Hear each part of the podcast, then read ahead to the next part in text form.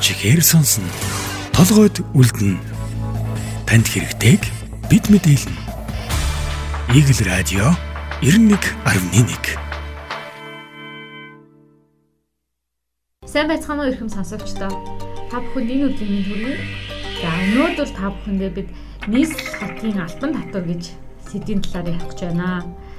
За та бүхэн анзаардаг бах нийслэл Улаанбаатар хотын нутаг дэвсгэр дээр үйл ажиллагаа явуулж байгаа тамхи арх согтууруулгундаа худалдаа авахд за мөн үүнээс гадна зоч буудлаар үйлчлүүлэхэд амралтын газар, зоогийн газар буюу ресторан, бар, автомашин одоо угаалгын газар гэдэг эдгээр үйлчлэгээнүүдийг авахд за мөн арх тамхиг худалдаа авахд бол нэмэгдсэн үртгийн албан татвар дээр нэмэгдээд за тэн дээр нэмээд дараагийн басны татвар авдаг нийслэл хотын албан татвар гэж зүйлийг авдаг.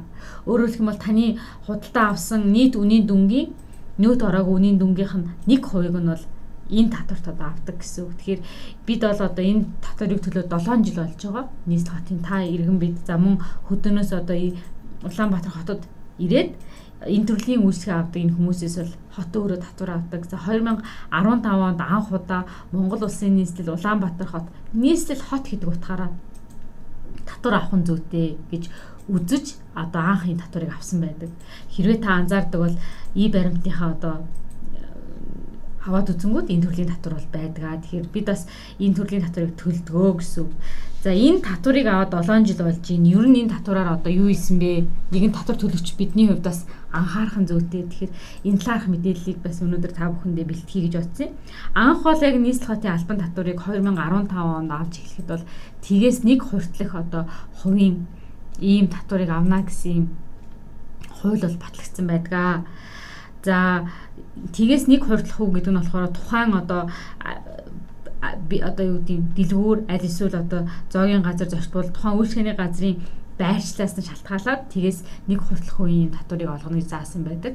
За 2021 онд нийслэлийн их зүүн байдлын тухай хууль гэж байдаг. Энэ хуульд өөрчлөлт орсон. За энэ хуульд өөрчлөлт орсноороо бас ямар одоо өөрчлөлтийг бий болгосон бэ гэхээр нийслэл хот өөрөө одоо зарим төрлийн албан татврынхаа хувь хэмжээ, хураамж, за мөн төлбөрийн хэмжээг өөрөө бие дааж тогтоодог болсон. Өмнө нь бол усын хурлаар ордог байсан бол хот гэдэг өөрөө нийслэлийн эрх зүйн байдлын тухай хуулийн даасны дагуу ялангуяа хотын одоо дээд байгууллага болох нийслэлийн эрдийн төлөвлөгчдийн хурал бол хот доторх албан татварыг за мөн одоо торгуулийн, хураамжийн, төлбөрийн хувь хэмжээг өөрөө тогтоох хэрэгтэй болсон. За үүнтэй холбоотойгоор 2021 онд бол нийслэл хотын албан татварын хувь хэмжээг дахиж өсгөөд тгээс 2 хөв болтол 2% болж болгож өсгсөн байгаа. Тэгэхээр одоо өмнө нь бол 1% байсан бол одоо үйлчлэгдэж байгаа хуулийн дагуу бол 2% болж өөрчилсөн. За энэ одоо хувийн өөрчлөлт бол энэ оны буюу 2022 оны 1-р сарын 1-ээс мөрдөгдөж эхлээд байгаа. Тэгэхээр өмнө нь хэрэгжижээс 1% бол одоо 2% болсон гэдгийг бас энэ ташрамд хэлэх зүйтэй юм а. За энэ тгээс 2%-ыг тогтоохдоо мөн ялгаагүй тухайн одоо үйлчлэгээний газар дэлгүүрийн байршил болон хүн амын төвлөлөөс нь шалтгаалаад ингэж тогтоодог болсон байна. За бид бас яг энэ татврын хэмжээгээр одоо та бидний худалдаа авалтаас одоо авж байгаа татврын хувь хэмжээ ер нь хэдий хэмжээний мөнгө төвлөрдөг вэ? Энэгээр эргээд юу хийдэг вэ гэдгийг бас судлах гэж хичээсэн. За энэ дагуу бол татврын ерөнхий газар болоод нийслэлийн татврын газартаа холбогдсон. Гэхдээ бас тодорхой мэдээллийг бол бас бидний төр болгон өгч чадаагүй. Энэ төрлийн дата мэдээллүүд нөр бас нэгтгэдэггүй байдаг, нууцад хамаардаг гэсэн учраас авч чадаагүй. За тийм учраас бид татврын байгууллага авч чадаагүй учраас нийслэлийн төсвийг нь бас сөхөж утсан байгаа.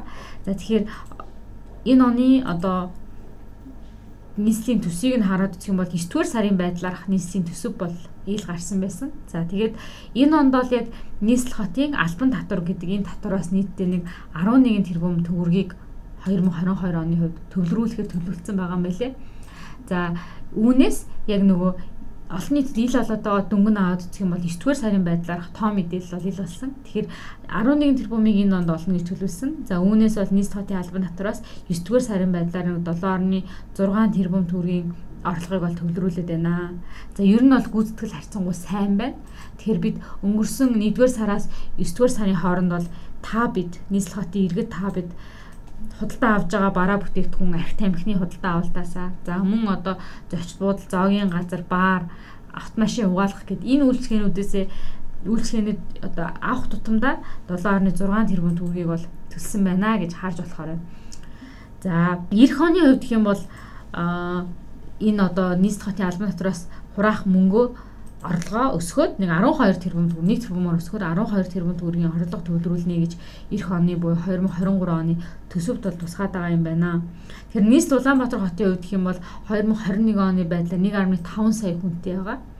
За энэ 5 сая хүний а 1 сая нь бол яг нэг 18-аас дээш насны насанд хүрсэн иргэд байдаг. Тэгэхээр та бүхэн анзаарсан бах одоо энэ нийслэл хотын албан татвар төлж байгаа хүмүүсийн дийлэнх нь бол ерөнхийдөө бас бид насанд хүрсэн хүмүүс гэж үзсэн. Өөрөөр хэлбэл тамхи, арх худалдаа авах боломжтой. За мөн одоо зочдууд зоогийн газраар автомашин угаалгах боломжтой, баар орох боломжтой хүмүүсийг бид насанд хүрсэн хүмүүс гэж үзэх юм бол яг энэ нийслэл хатын алтан татрыг төлж байгаа хүмүүс нь хэн бэ нэ гэхээр насанд хүрсэн хүмүүс тэр хүмүүс нь хэдэн хүн байна вэ гэхээр нэг сая орчим хүн байгаа.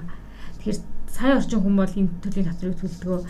За энэ онд 11 тэрбум төгрөгийг төлнө гэд одоо төлөвлөсөн гэж түрүүн хэлсэн. Тэгэхээр ер нь хэрвээ 11 тэрбумыг төлөхөр бол нийслэл хотын насанд хүрсэн нэг хүн яг нийслэл хотын албан татварт хэдэн төгрөг төлдөг вэ гэдгийг бид бас тойм байдлаар тооцож үзэх гэж хичээсэн.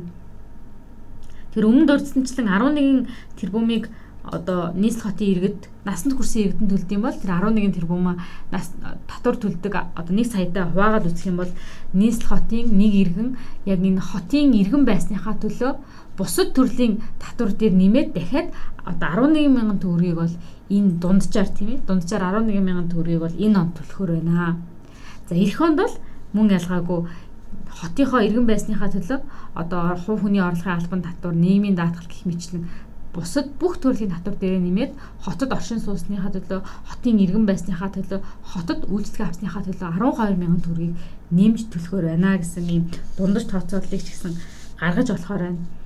За ер нь бол бас хот гэдэг энэ айл маань өөрөө маш их зардалтай гэдгийг бол нийслэлийн эрдэнэ төлөөлөгчдийн хурлаас бид мэдэгдэж байсан. Тухайлх юм бол зөвхөн хотын одоо хог хаягдлыг булшаалхад гэхэд бараг 7-оос 8 тэрбум төгрөг хэрэгтэй болдгоо. За хог хаягдлыг төвлөрүүлэх та бидний бараг 100 гаруй тэрбум төгрөг хэрэгтэй болдог гэд ийм мэдээллийг бол өгчөөсөн. Тэгэхээр хэдийгээр яг бидний татвар бол тэр их зардлын хажууд бага мөнгө юм шиг харагдаж байгаа боловч та биднээсээс баггүй хэмжээний мөнгө авдаг нь бас энэс харагдаж байна. За эх хонд нийслэлийн төсөв бол ер нь тогтмол дандаа өсөж байгаа. Эх оны хувьд гэх юм бол нийслэлийн төсөв 1.7 их 80 төгрөг төвлөрүүлэхээр байгаа. За одоо бидний одоо энэ төлж байгаа нийслэл хотын албан дотор бол нийслэлийн одоо төсөв төвлөрөөд цаашаагаа ингээд урсгал зардал байдлаар явдаг.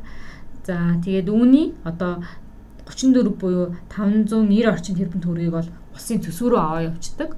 За үлдсэн мөнгөөр нь бол хот өөрөө өөрийнхөө зардлыг одоо та бидний сайн мэдэх ногоон байгууламжийг за одоо хог хаягдлыг за нийтийн тээвэргээд бид бол байнга үйлчлэг авдаг энэ одоо мөнгийг бол нийслэлийн татвар төлрүүлсэн мөнгөөс бол төлдөг байх нэ гэж харж болохоор байна. За 2022 оны хувьд бол нийслэлийн төсвийн орлого бол 1.6 их найд байсан. За 2023 оны хувьд бол 1.7 их найд байна. За 20 онд бол нийслэлийн төсөв 860 одоо тэрбум төгрөг байсан гэдэг. Ерөнхийдөө нийслэлийн төсөв бас энэ өсөх хандлагатай байгаа боловч эргээд 1.5 сая хүнийг за альбан бус тоогоо баг 1.7 сая хүнийг одоо зохицуулж байгаа, оршин сууж байгаа хотын хувьд бол энэ хангалттай дүн бишээ гэсэн мэдээлэлтэй. Тэгэхээр дэлхийн олон хот өөрөө хот байсныхаа төлөө өөр нэгэн татвартай байдаг.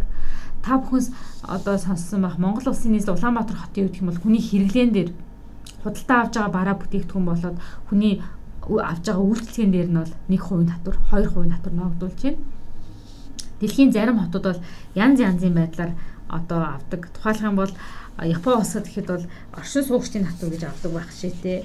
За хятад улс ч гэсэн ялгаагүй энэ төрлийн татварыг авдгаа гэж хот болгон өөр өөр гэсэн татвартай байдаг. Энэ нь бол эргээд тухайн хотын эдийн засгийн чадварыг нь сайжруулж яадаг. Эргээд нийгэмд өгөх тэр одоо нийгмийн үйлчлэгээний чанарыг сайжруулах ийм боломжтой байдаг. Тэгэхээр хотод ч гэсэн Монгол улсын нийслэл ч гэсэндээ ийм татварыг авч байна. 7 жил болж байгаа. Та бид бас яг энэ нийслэл хотын төсвийн орлогод бас хотын иргэн байсныхаа төлөө хувь нэмрээ оруулж байгаа. Дунджаар нэг 100000 төгрөг, 12000, 11000 төгрөгийг бол та бид одоо арх тамхи согтууруулах гундааны бараа бүтээгдэхүүн худалдаа авснаас за мөн зочд буудлын амралтын газар, ресторан, бар, угаалгын газар, автомашины угаалгын газараа үйлчлүүлсийн хатлаа төлдөг байх нэ. Тэгэхээр та өөрөө энэ татвар төлөгч гэдэг утгаараа бас энэ төрлийн татварыг юунд зарцуулж байгааг тийм ээ за хідэн дөрөв цугларч байгааг бас сонирхох мэдээлэх юм уу ирэх бол танд байгаа шүү гэдгийг энэ ташаанд хэлье. Тэгэхээр нийт хотын албан татвартай холбоотой мэдээллийг үзэж та бүхэнд хүргэлээ. Хамт байсан маш их баярлалаа.